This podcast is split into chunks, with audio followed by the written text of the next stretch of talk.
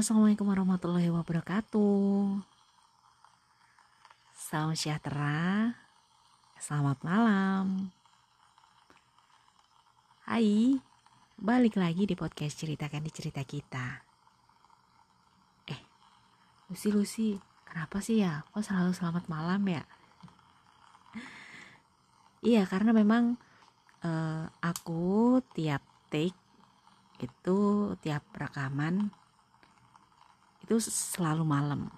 Karena memang bisanya malam ya waktu senggangnya malam.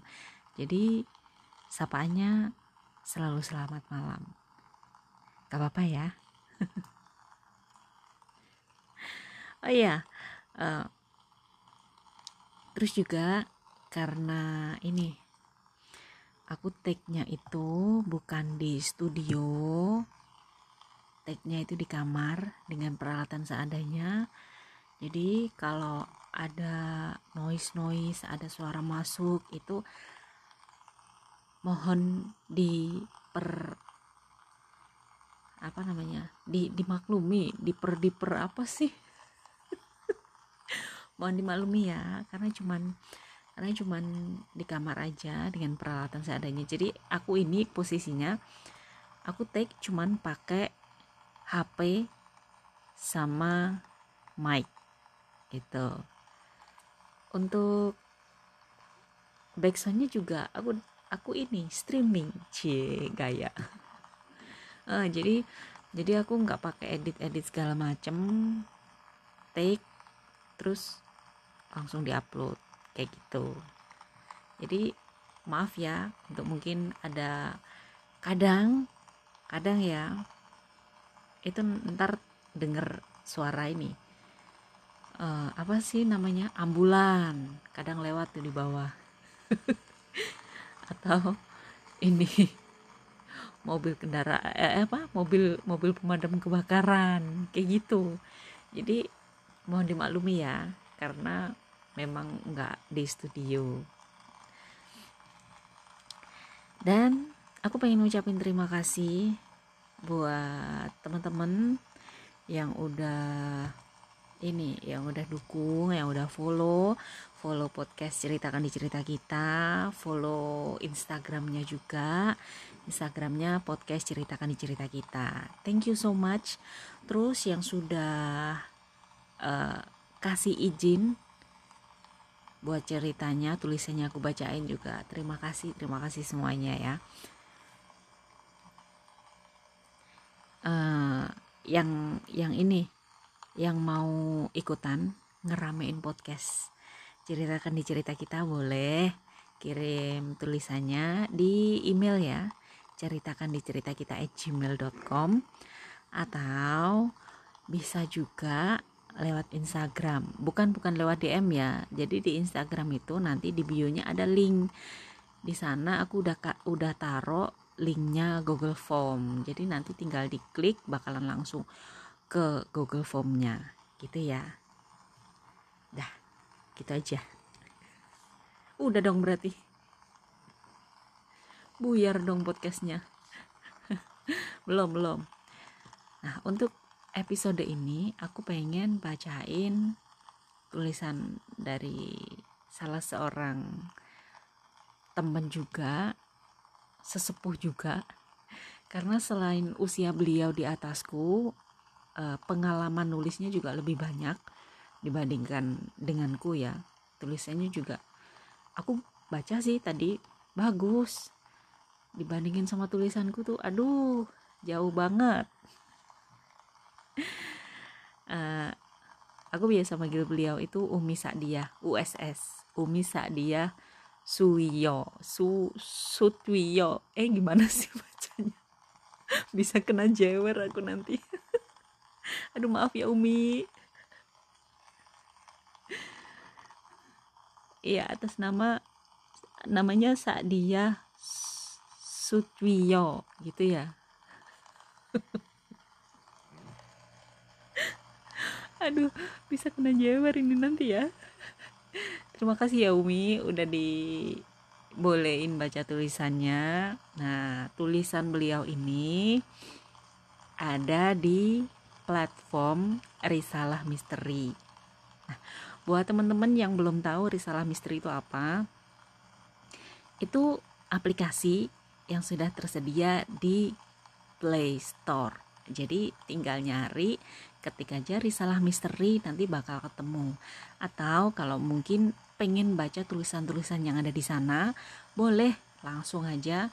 Kalau mungkin nggak pengen download aplikasinya, pengen bacanya di ini di PC bisa cari risalah misteri itu nanti muncul Oke, di sana juga banyak cerita-cerita bagus kok. Karena kebetulan yang nulis di sana itu eh, jam terbangnya udah pada tinggi-tinggi. Jadi tulisannya banyak banget yang bagus. Gak ada yang jelek, bagus semua. Itu ya. Jangan lupa ketik risalah misteri itu. Jadi kayak iklan ini. Ketik Rex spasi api. Jadi ingat iklan itu ya. Oke terima kasih ya. Terima kasih sekali lagi. Uh, dari tadi terima kasih mulu ya. Nggak apa-apa ya. Terima kasih buat yang udah follow yang udah follow podcastnya yang udah follow instagramnya juga yang udah kirim-kirim tulisan yang udah kasih aku izin buat bacain tulisannya Nah, di episode kali ini terima kasih buat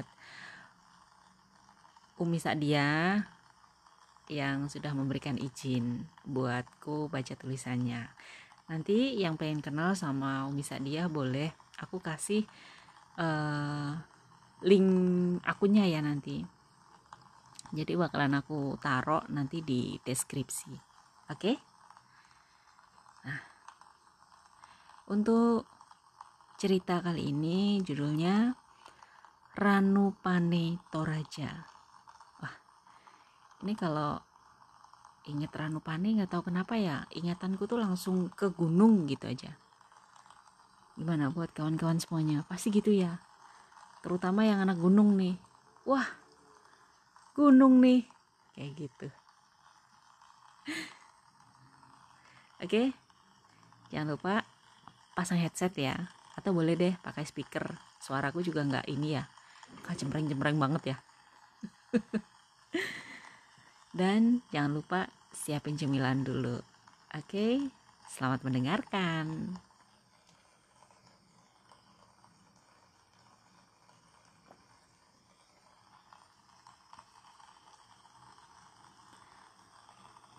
Ranupane Toraja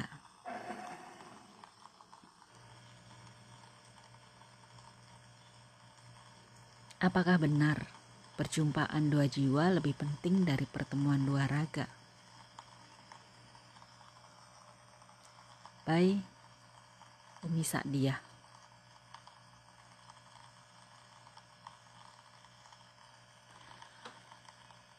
Tubuhnya gempal berbalut kemeja flanel kotak-kotak merah dan jaket tebal warna coklat. Rambutnya yang gondrong berombak tergerai dipermainkan angin lereng Semeru.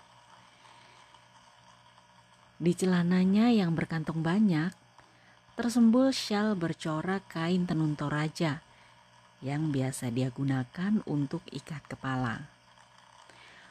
Punggungnya menggendong ransel besar memuat bekal pendakian. Tangan kirinya memegang tongkat kayu dan tangan kanannya menyandang kamera yang cukup membuat para pecinta fotografi ngiler. Sekilas, ia mirip dengan aktor FTV pecinta olahraga ekstrim yang sering mondar-mandir di sebuah stasiun televisi swasta yang sering memerankan pemuda Jogja. Entah siapa namanya. Mungkin salah satu dari kalian ada yang tahu. Dia berdiri menantang angin. Mata elangnya menyapu kabut yang sedang bercumbu dengan matahari pagi.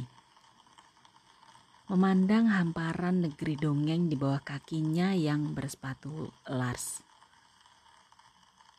Kalau kalian berpapasan dengannya, panggil dia Ranu. kepanjangan dari Ranupane Toraja. Kabarnya, sang ayah adalah pemuda Toraja yang menikahi gadis lereng Semeru. Aku mengenalnya beberapa tahun lalu saat pendakian pertama ke puncak Sindoro Sumbing dan tak menyangka sama sekali akan merasakan kembali kehangatan senyumnya di gigil Mahameru. Hai, apa kabar Anu? Sapaku sambil menyambut jabatan tangannya yang entah kenapa selalu terasa hangat dan kuat menggenggam jemariku yang semakin membiru.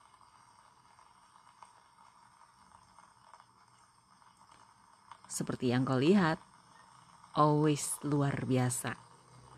Sautnya sambil mengernyitkan lengkung hitam yang menaungi dua telaga yang selalu berbinar di wajahnya. Kami pun berjalan beriringan. Punggungnya terbungkuk-bungkuk di depanku memandu jalan.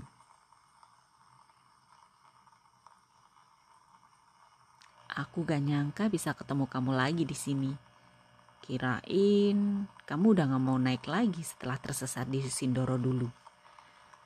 Ucapnya memecah kesunyian. Oh ya, sebenarnya aku sudah janji gak naik lagi. Cuman aku selalu kangen. Serasa ada yang memanggil-manggil namaku untuk kembali sautku lirih. Mungkin karena aku selalu meneriakan namamu setiap naik. Gombal. Kami pun kembali membisu. Hanya satu dua bahasa basi tak penting yang kami bicarakan di sela perjuangan kami menaklukkan medan yang semakin terjal. Berkali-kali dia ulurkan tangannya menarikku yang semakin kepayahan. Hah, aku tak mau terlihat lemah di matanya. Aku pun berulang kali menolak bantuannya.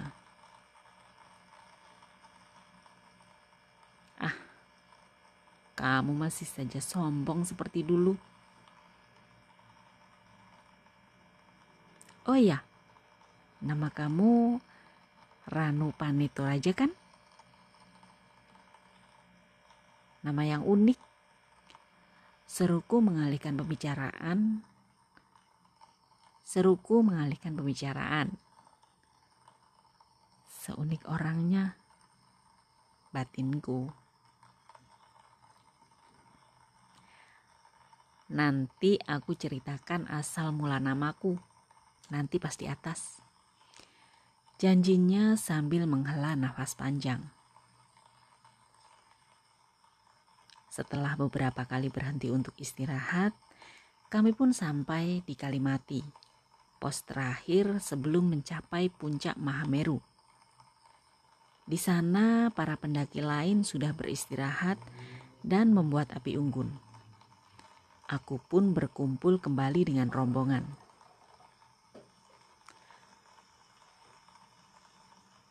Malam semakin menggigil Sleeping bag yang kukenakan tak berhasil menghentikan proses pembekuan di tulang belulangku. Gemerta api unggun masih terdengar di kejauhan. Ah, membuat secangkir kopi tentu akan sedikit mengusir dingin.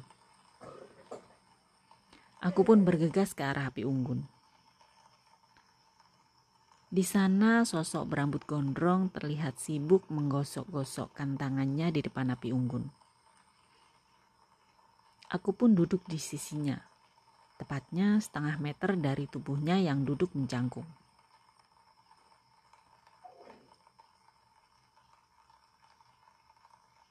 Kopi? Katanya sambil mengulurkan cangkir aluminium yang mengeluarkan bau harum. Kasih. Sautku menyambut secangkir kopi susu yang dari baunya saja pasti sangat enak. Es kopi Vietnam yang terkenal itu pasti kalah nikmatnya. Nggak pakai sianida kan?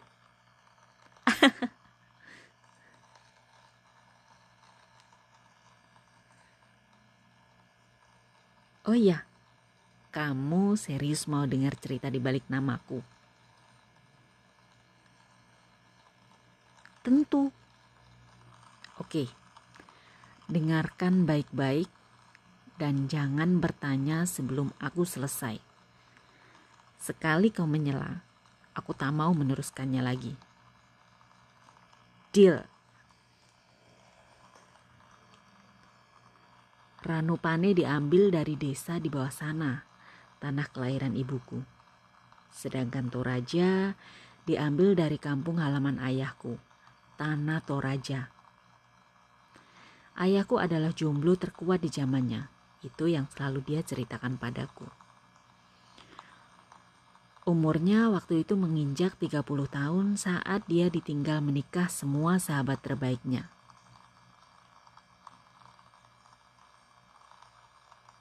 Dia sering menjadi bahan candaan teman-temannya. Akan tetapi, sekuat apa pun dia dibully, ayahku tetap tertawa. Itu dulu, sebelum satu persatu sahabat terbaiknya menikah. Bahkan salah seorang sahabatnya datang berkunjung ke rumah kontrakannya membawa sosok bayi mungil yang lucu.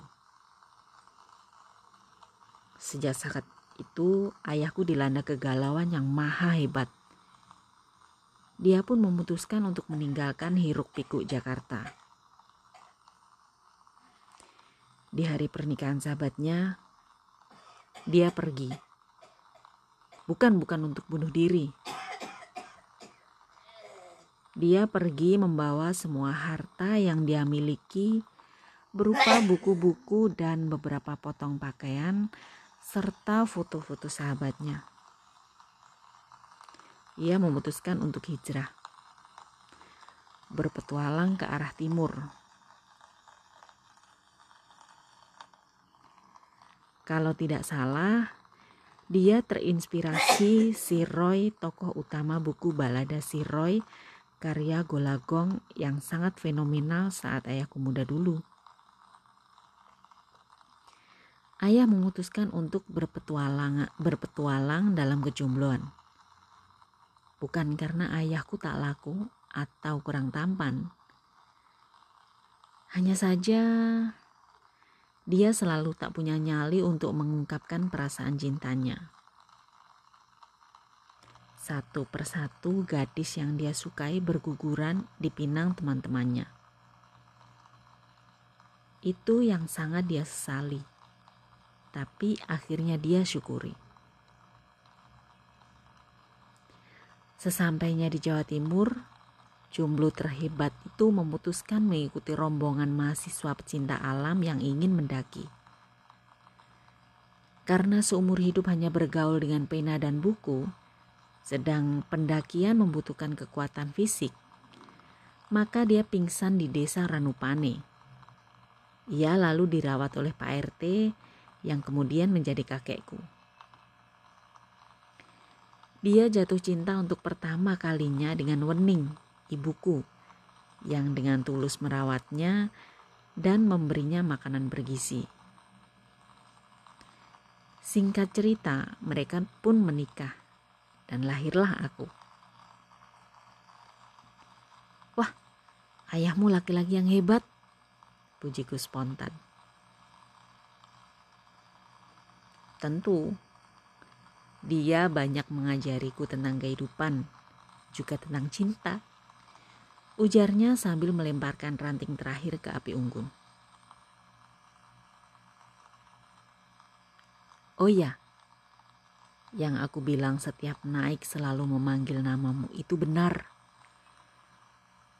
Celetuknya sembah sambil menggenggam erat cangkir kopi yang telah kosong dari tadi. Aku tercekat. Kata-katanya membuatku gugup. Refleks kuseruput kembali cairan berwarna kecoklatan di cangkirku sampai ludes ke ampas-ampasnya. Hmm, kalau kota keberatan, bacalah ini. Balaslah kalau kau suka. Sambungnya lagi sambil mengangsurkan lipatan kertas ke tanganku. Ia pun bergegas masuk ke tendanya. Dengan langkah terseret, aku masuk ke tenda dan membuka lembaran kertas kusam itu. Sepertinya sudah ditulis cukup lama. Diterangi cahaya senter, aku mulai membaca.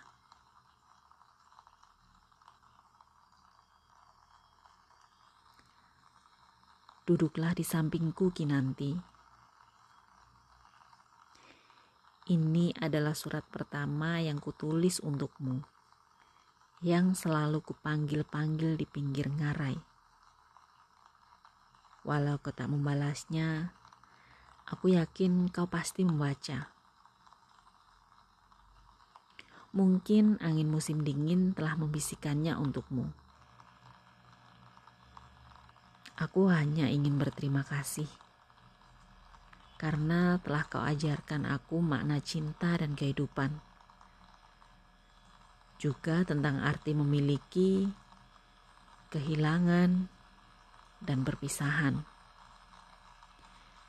Demikian pula tentang luka dan penyembuhan diri.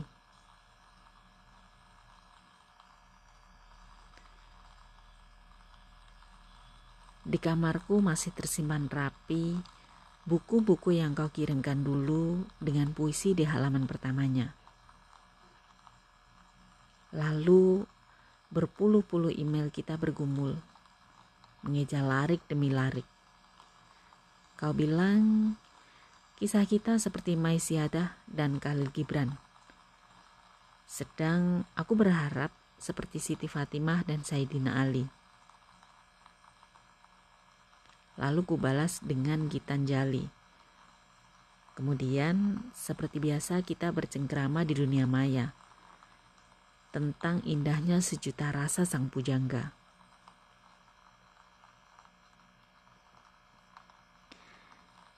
Kadang terasa kita masih duduk bersama. Pada pertemuan pertama kita di puncak Sindoro di bawah cahaya bulan. Di tingkah gemerisik cemara hutan, kau bercerita tentang Bima yang menyelami samudra tak bertepi. Mencari Tirta Pawirta Sari. Menurutmu, Kedalaman jiwa tak pernah bisa terselami, pun luasnya tak bertepi. Kini ku mulai bisa merangkai abjad menjadi aksara. Aksara menjadi larik. Larik menjelma bait puisi. Ah, itu takkan seindah Kitanjali. Karena tiap aksara yang kutulis hanya mampu mengeja namamu. Menurutmu selalu perjumpaan dua jiwa lebih penting dari pertemuan dua raga? Apakah salah jika suatu saat kita bersua? Mungkin di tepi telaga Menjer, kita bisa berkejaran menurungi tebingnya yang curam. Berebut menjangkau pantainya yang teduh Lalu kita memetik ranumnya stroberi liar atau menghirup segarnya mata air telaga. Seperti Siti Hajar memuaskan dahaga para pengelana dengan seteguk air zam-zam. Kita duduk berjajar di hijau rerumputan. Memandang nelayan melempar jala di atas perahu jukungnya yang tak berlayar Mungkin pelataran Candi Arjuna lebih menarik perhatianmu. Di sana kita bisa saling bertukar cerita tentang sejarah anak manusia. atau tentang Lingga dan Yoni di peluk gigil kabut yang melenakan mata. Atau kita bisa berkemah di puncak Sikunir. Berharap mencecap keindahan surga. Kita duduk bersama ribuan pengelana. Menatap hadirnya sang surya menebar asa. Istirahatlah di sini, di sampingku. Di mana lagi kan kau cari surga itu? Tak usah kau jelajahi pelosok negeri. Surga yang kau cari hanya bisa kau temukan di hati. Maukah kau menjadi pelengkap setengah dinku? Ranu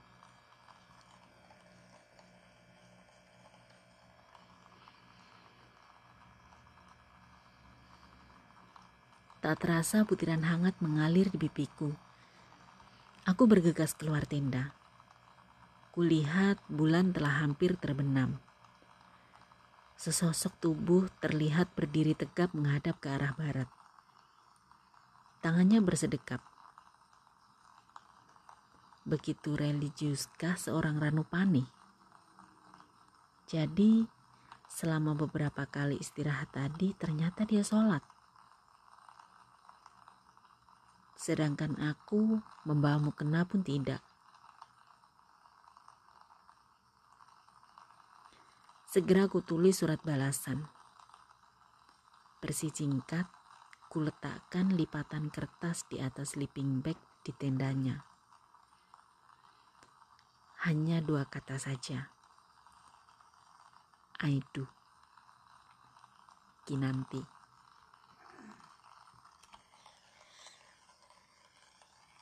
Selesai.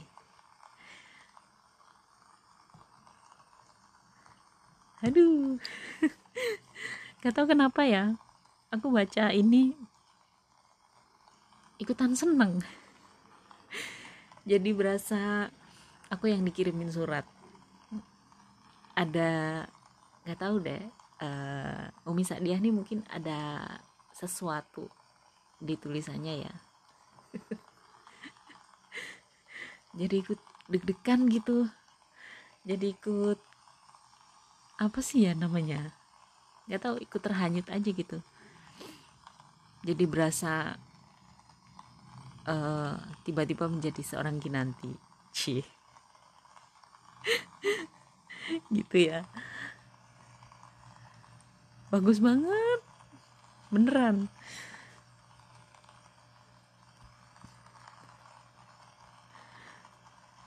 sampai speechless. Bingung mau ngomong apa. Tapi beneran uh, udah deh pokoknya bagus.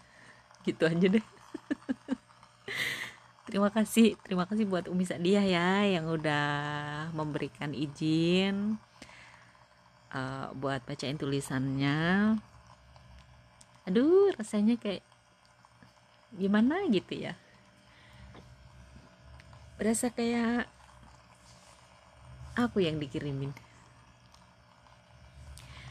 Buat teman-teman buat kawan-kawan podcast ceritakan di cerita kita yang pengen juga tulisannya dibacain boleh langsung di Instagramnya klik link yang ada di bio di sana nanti isi semuanya ya yang ada di Google Form atau yang pengen lewat email boleh diceritakan di cerita kita at gmail.com itu ya.